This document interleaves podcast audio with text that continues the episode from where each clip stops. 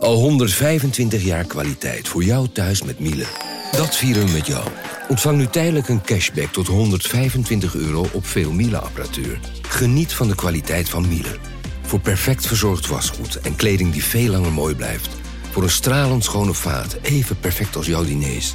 En een stofvrij thuis waarin echt hygiënisch schoon de standaard is. Check miele.nl voor alle feestelijke aanbiedingen. Ik ben al jaren ondernemer, maar waar moet ik eigenlijk allemaal aan denken nu ik voor het eerst personeel wil aannemen, voor het eerst ga importeren of voor het eerst een bedrijfslocatie zoek? Weet wat je wel of niet moet doen bij zaken die je voor het eerst oppakt. Check kvk.nl voor praktische stappenplannen. KVK, hou vast voor ondernemers.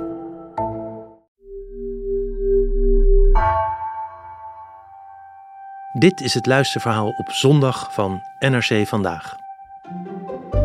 Mijn naam is Bas Blokker, ik werk voor de weekendkrant bij NRC. En in deze aflevering kun je luisteren naar mijn artikel De Amerikaanse Paradox. Steeds minder gelovigen, steeds meer macht voor het geloof. Dit was mijn laatste stuk als correspondent in Amerika. En in de vijf jaar dat ik daar zat, vanaf 2018, viel me steeds op wat een belangrijke rol religie speelde in de Amerikaanse samenleving, maar vooral ook in de Amerikaanse politiek. Dat gaan we straks ook weer zien. Super Tuesday uh, staat eraan te komen. En dan zul je zien dat religieuze organisaties een heel belangrijke stem in dat kapitel hebben. Wat interessant is, is het scharnierpunt tussen dat fundamentalistische geloof en de politieke macht die de fundamentalisten uitoefenen in Amerika. En die wordt groter naarmate het, geloof een kleinere rol speelt in het maatschappelijk leven. Want ze verzetten zich en ze organiseren zich en ze hebben van ouds een hele goede organisatie, wat natuurlijk logisch is. Zij zijn kerken. Overigens wil ik er met nadruk bij zeggen: dit is niet voorbehouden aan rechts, conservatief en republikeins Amerika. Ik ben ook, staat niet in dit stuk, in een kerk geweest in South Carolina. Dat is de kerk. Je zou kunnen zeggen dat Joe Biden daar zijn presidentschap aan te danken heeft. Toen hij op het dieptepunt van zijn voorverkiezingencampagne was. Toen won hij ineens de staat South Carolina. Met de steun van de Zwarte Kerk. En die steun van de Zwarte Kerk is onontbeerlijk. Joe Biden heeft het ook zelf meteen gezegd. Dat dank ik aan jullie die hebben dus diezelfde invloed. Die doen dat ook. Zij kunnen namelijk kiezers leveren. Luister naar mijn verhaal, de Amerikaanse paradox, steeds minder gelovigen, steeds meer macht voor het geloof. Voorgelezen door Jan-Paul de Bond.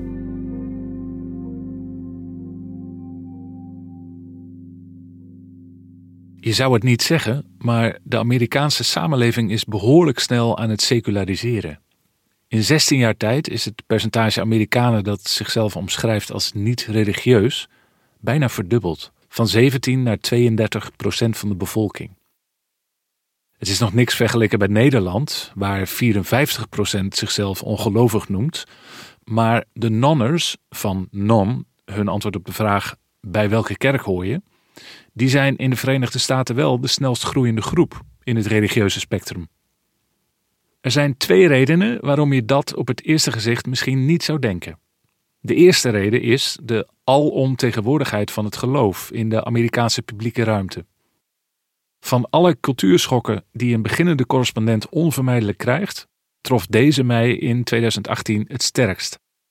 In Nederland ken ik een handjevol mensen die regelmatig naar de kerk gaan. De meeste zijn cultuurkatholiek of anderszins nostalgisch en komen alleen met Pasen of Kerst in de kerk. In hoofdstad Washington, zelfs in dat progressieve bolwerk, gingen de buren elke zondag. Hun kinderen elke dag naar een christelijke basisschool. Ze waren geen kwezels. En ze waren ook geen uitzondering. In de vijf jaar dat ik in de Verenigde Staten heb gewoond, zag ik een land dat in religie is gedrenkt dat de president, of hij nu links of rechts is, nooit zal vergeten God bless the USA te zeggen na een toespraak. Dat een presidentskandidaat, die rechts is, zichzelf christen, conservatief en republikein noemt, in die volgorde. Dat de vergadering van het parlement wordt geopend met een gebed. Dat de schooldag begint met de Pledge of Allegiance die alle scholieren staand declameren. Ik zweer trouw aan de vlag van de Verenigde Staten van Amerika en de republiek waarvoor die staat. Eén natie onder God. Ondeelbaar en met vrijheid en gerechtigheid voor allen. Of dat je een sensitieve huisarts interviewt op het platteland van Ohio, die tijdens de coronapandemie provisorisch hartspecialist werd omdat al haar collega's wegvielen. En dat ze je daarna vertelt dat ze de Bijbel letterlijk neemt. Letterlijk? Werd Methusalem 969 jaar oud? En dat ze dan zegt: Wie weet, in die tijd. Of dat je overal langs de snelweg borden passeert met teksten als: Na je dood zul je God tegenkomen. Of lust sleept je naar de hel. Of een grimmig berouw met meestal het telefoonnummer eronder 83 for truth. Of dat je in een stadje komt waar meer kerken dan winkels zijn. Er zijn heel veel van dat soort stadjes. Rijdend van staat naar staat kon ik via de autoradio al horen waar ik me bevond. In West Virginia zijn 9 van de 10 zenders classic rock, met elke dag Africa van Toto. In Texas de opgewonden Latijnse accordeon. In New York rap, in Minnesota indie muziek. Maar in elk van de staten hoeft u maar een kleine draai aan de frequentieknop te geven of je hoorde zinnen waarin het hij met een hoorbare hoofdletter werd uitgesproken waarin om geld werd gevraagd voor organisaties die Herstel de Fundamenten heten, of Een Tank Vol Liefde, die gratis benzine voor militairen regelen. De ene keer sprak de radiopredikant woorden van hoop. Als God in je leven komt, is niets onmogelijk. 91.9 in Washington, D.C. De volgende keer, 91.7 El Paso, Texas, was het een vermaning Satan wil ons doen geloven dat een kleine zonde niet zo erg is. Een beetje roddel, een beetje hebzucht, een beetje woede, een beetje lust. Maar als we erin trappen, dan brengt dat een zonde voort die tot de dood leidt en dan juicht Satan. Onvermijdelijk lopen zulke preken uit op een song vol woorden als licht, vertrouwen, op mijn knieën, zijn woord of hij vond mij en altijd met die vreugdeloze doffe dreunen op de beestrum in de finale. Zo slaat Christus de maat van het leven.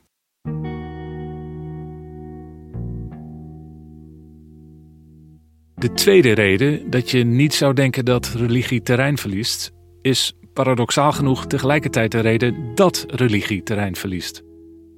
Dat is de buitenproportionele invloed die de conservatieve christenen uitoefenen op de Amerikaanse politiek en daarmee op de samenleving. Hun invloed is beslist geen toeval. Hij is goed georganiseerd en lijkt juist aan kracht te winnen naarmate religie getalsmatig minder belangrijk wordt. De maatschappelijke gevolgen daarvan jagen minder conservatieve gelovigen de kerk uit, maar daarover later. Begin 2019 bezocht ik een kerk in Edmond, een stoffig stratenraster bij Oklahoma City. Het houten gebouw van de Fairview Baptist Church oogde als een buurthuis. De geur van soep hing in elke ruimte. Aan de overkant stond precies zo'n loods, de Oakwood Church of Christ. Eén kruispunt naar het zuiden had je St. Luke's. Een kruispunt naar het oosten de Zevende Dags Adventisten. In de Fairview Baptist Church hadden zich zo'n 300 mensen verzameld voor een symposium tegen de LGBTQI-agenda, of zoals keynote-spreker Peter LaBarbera het uitdrukte, de verflikkering van kerk en maatschappij. Na de blijde getuigenis van een genezen homoseksueel hield LaBarbera de zaal voor dat we ons al in stadium 4 bevonden van de perverse revolutie. Na gedogen accepteren en vieren waren we aanbeland bij gedwongen deelname. Fase 5, wie het niet eens is met de homorevolutie wordt gestraft, zou onvermijdelijk volgen. In scholen wordt homogeschiedenis gegeven en in het kader van sociaal beleid wordt bijgehouden welk bedrijf het meest homovriendelijk is, huiverde hij. Christenen zijn het laatste bastion van de reden, zei La Barbera. Amen, zei de man met op zijn t-shirt Filippenzen 1, vers 21. Want voor mij is leven Christus en sterven winst. Als ik in 2019 nog dacht in Edmund in de marge van de conservatieve christenheid te zijn beland, weet ik inmiddels beter. Onder republikeinse presidentskandidaten, denk aan Mike Pence of Ron DeSantis, is een aanval op de ESG-agenda de gewoonste zaak van de wereld.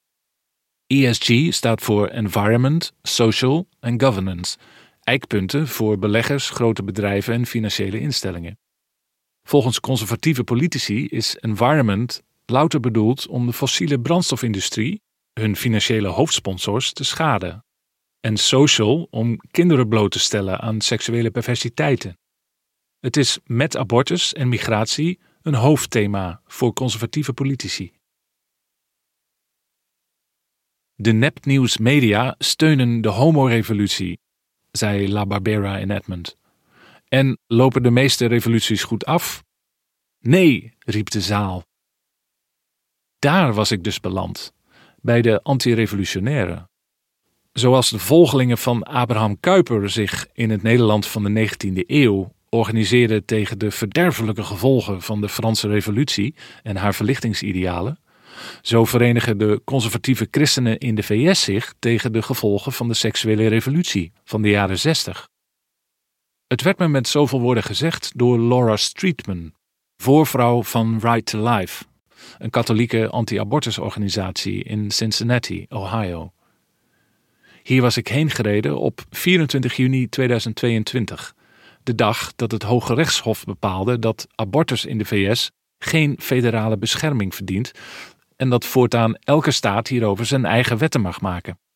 In 14 van de 50 staten heeft dat inmiddels al geleid tot wetten waardoor abortus zo goed als illegaal is. Streetman was die dag dol van vreugde en ze keek al vooruit naar de volgende stappen: afschaffing homohuwelijk, verbod op genderbehandelingen. We gaan alle leugens van de seksuele revolutie één voor één ontzenuwen.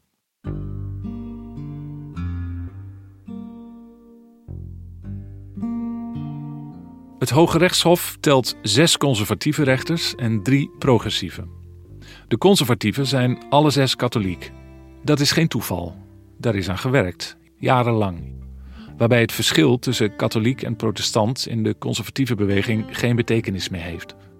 De christelijke anti-revolutie is beter voorbereid dan de flower power revolutie van de jaren 60.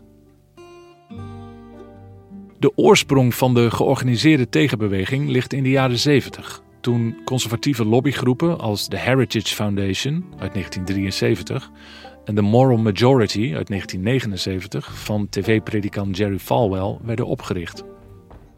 Ze kreeg wind in de zeilen na 1980, toen de goedgemutste conservatief Ronald Reagan president werd.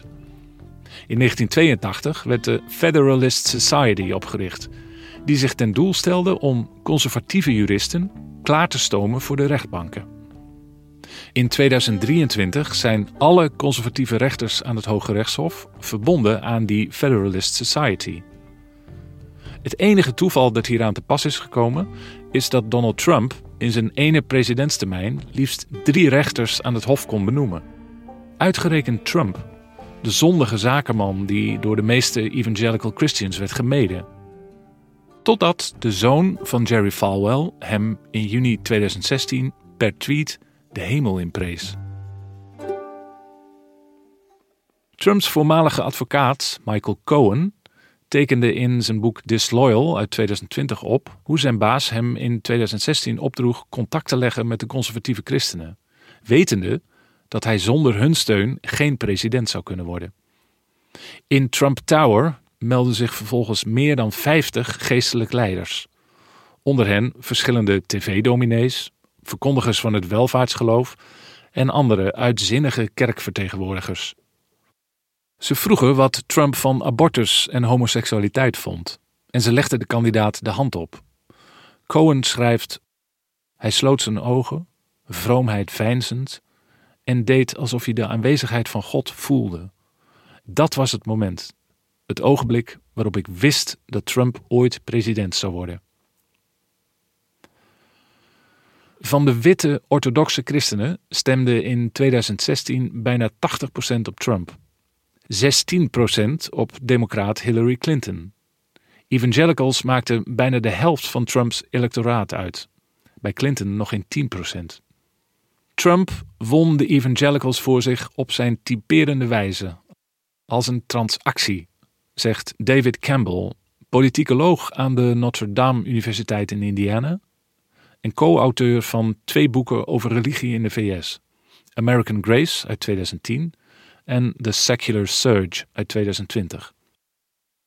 Trump beloofde de christenen dat hij een heel, heel goede vertegenwoordiger voor hen zou zijn. Het christendom zal de macht hebben. In de campagne voor het presidentschap van 2024 hamert Trump er steeds op: ik heb jullie drie conservatieve rechters aan het Supreme Court gegeven, zonder wie de 50 jaar oude pro-abortus uitspraak nooit was herroepen. Het wordt interessant om te zien hoe hij zich in de huidige campagne tot het conservatieve christendom gaat verhouden. Juist op het thema abortus is hij inmiddels rechts ingehaald door bijvoorbeeld DeSantis, die als gouverneur abortus in Florida feitelijk heeft verboden. Trump noemde een landelijk verbod aanvankelijk te hard. Maar toen hij in juni 2023 in het Washingtonse Hilton Hotel op een congres van lobbyorganisatie Faith and Freedom sprak, voor een zaal vol christen-conservatieven, zei hij ineens dat er natuurlijk een cruciale rol is voor de federale overheid bij het reguleren van abortus. Daar kon je even zien wie aan wie de macht heeft gegeven. Niet Trump aan de christenen, maar zij aan hem. Dit is de paradox, zegt David Campbell. De moral majority is opgericht om de plaats van het christelijk geloof in de Amerikaanse samenleving te verankeren en te voorkomen dat de VS een meer geseculariseerd land zouden worden. De grote ironie is dat zij door precies dat te doen de secularisatie heeft versneld. Campbell zette voor het boek The Secular Surge een experiment op. Mensen moesten zichzelf omschrijven als kerkelijk of niet kerkelijk. Een week later kregen diezelfde mensen een artikel te lezen over een politicus die door de conservatief-christelijke beweging werd gesteund. In het stuk sprak de kandidaat veel over God, christendom en de Bijbel. Campbell en zijn co-auteurs hadden de politicus verzonnen, maar diens citaten kwamen uit bestaande teksten, zegt Campbell. Als we al iets hebben aangepast, dan is het dat we onsjes van al te vrome zinnen hebben afgehaald. Daarna stelden ze opnieuw dezelfde vraag: Behoort u tot een kerk? Bleek dat zo'n 15% van de ondervraagden, die zichzelf aanvankelijk als kerkelijk hadden geïdentificeerd, nu non zeiden. Geen enkele. Conclusie van Campbell: mensen zijn allergisch voor christelijk rechts. Kleine nuancering hierop: Republikeinse kiezers zijn niet allergisch voor christelijk rechts. Geen van hen haakte af na lezing van het artikel. Alleen ondervraagde democratische of onafhankelijke kiezers toonden die reactie.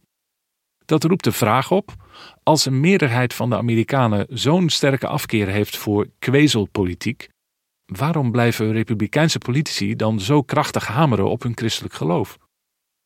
Waarom stellen ze in Texas een wet voor waarin scholen worden verplicht de tien geboden in de lokalen te hangen? Waarom zegt presidentskandidaat Tim Scott dat de grondwet is geschreven om de kerk tegen de staat te beschermen en niet andersom?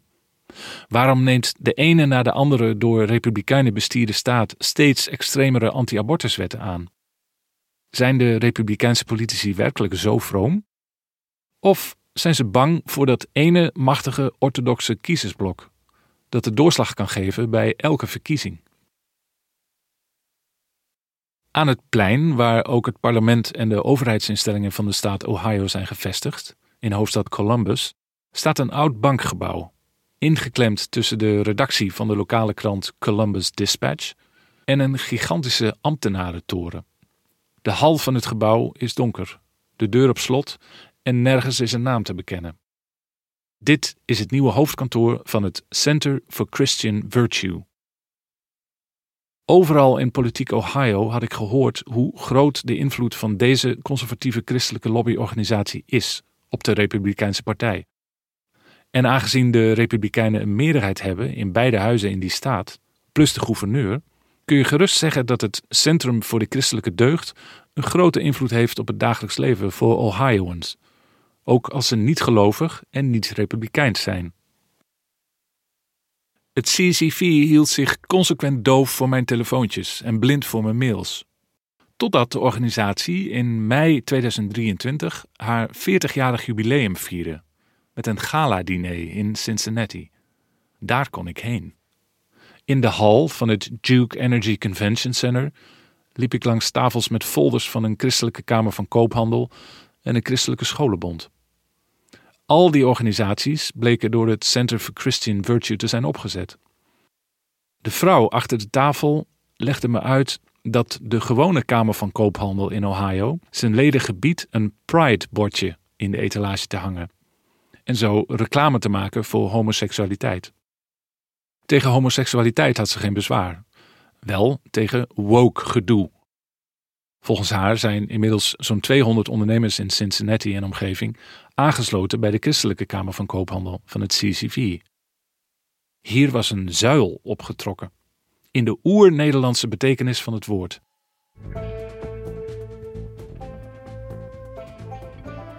Bij het gala-diner kon ik van dichtbij zien hoe de christelijke lobby tegen de macht aanschuurt.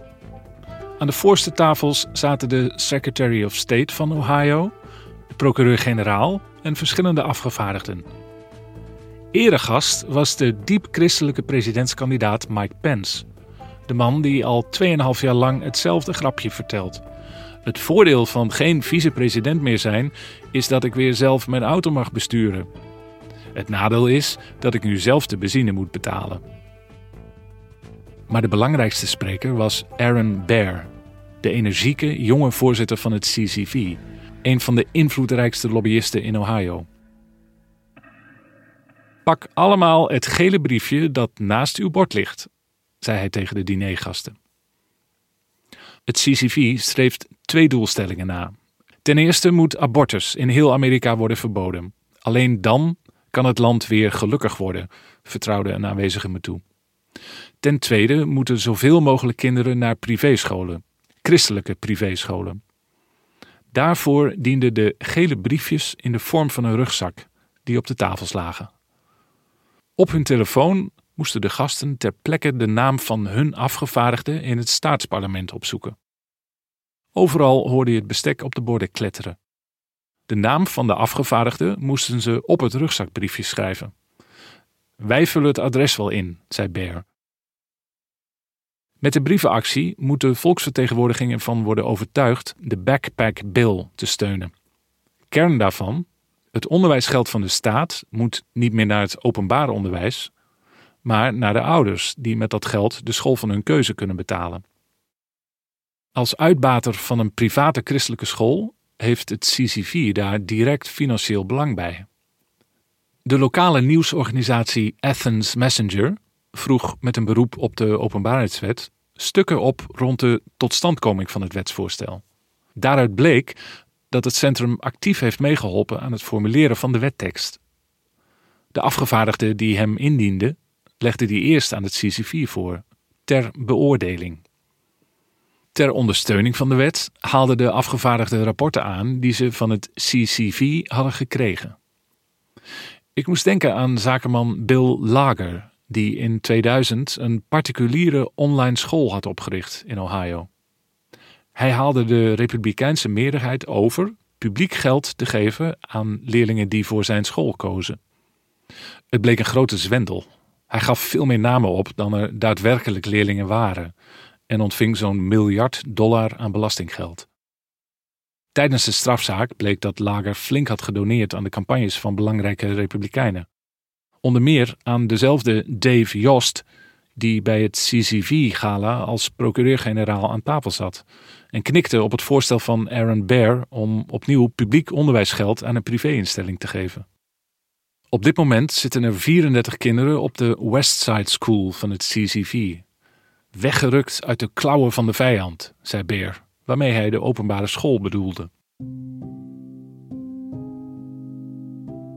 Aan het eind van de avond kwam Bears laatste verzoek: abortus. Sinds het Hoge Rechtshof de wettelijke bescherming op abortus heeft weggenomen, is in zes staten een referendum georganiseerd om die bescherming lokaal te herstellen. Zes keer zegevierden de beschermers van abortus. We staan met 6-0 achter, zei Bear. Pro-choice organisaties hebben ook in Ohio een referendum afgedwongen. Als ze dat winnen, dan is het land verloren. We moeten het hier stoppen, zei Bear. De galagasten werden aangemoedigd om te helpen bij de stemmingwerving. 1 miljoen christenen in Ohio hadden al beloofd te stemmen, maar dat was niet genoeg. Er zijn domweg meer mensen die de mogelijkheid voor verantwoorde abortus willen behouden. Daarom doet Bear een brutaal voorstel om de wens van de meerderheid te blokkeren. De lat voor het aannemen van amendementen op de grondwet moet omhoog. Ligt die op 50%, dan winnen de voorstanders van het recht op abortus, zei Bear. Maar ligt de lat op 60%, dan hebben de anti-abortusactivisten een kans. Ik was alweer weg uit Ohio toen ik Bears jubeltweet las. Hij bedankte drie Republikeinse politici voor het aannemen van de Grondwet Beschermingsresolutie. De weg was nu vrij voor een speciale volksstemming in augustus 2023. Abortus is te belangrijk om aan de democratie over te laten. In vrijwel alle staten werken organisaties als het Center for Christian Virtue aan de anti-revolutie. Soms kerkelijk, soms niet. Zoals de Moms for Liberty, die een kruistocht voeren tegen pornografische boeken in schoolbibliotheken. De scheiding tussen kerk en staat is bagger, zoals een republikeinse afgevaardigde zei. De Democraten zijn optimistisch. Die denken dat ze de demografische ontwikkeling aan hun kant hebben. Prognoses van Pew Research Center laten zien dat in de jaren 2070, een halve eeuw na Nederland, meer dan de helft van de Amerikanen niet langer kerkelijk zal zijn.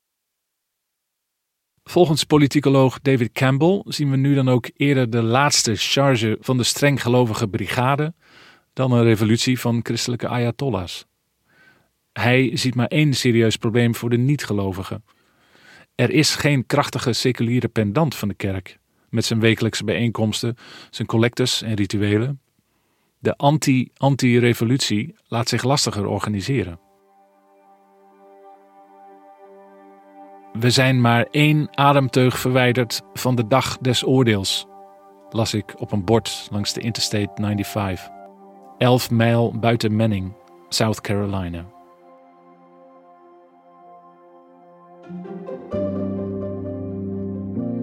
Je hoorde het luisterverhaal op zondag van NRC Vandaag. Voorgelezen door Jan-Paul de Bond, die ook de montage deed.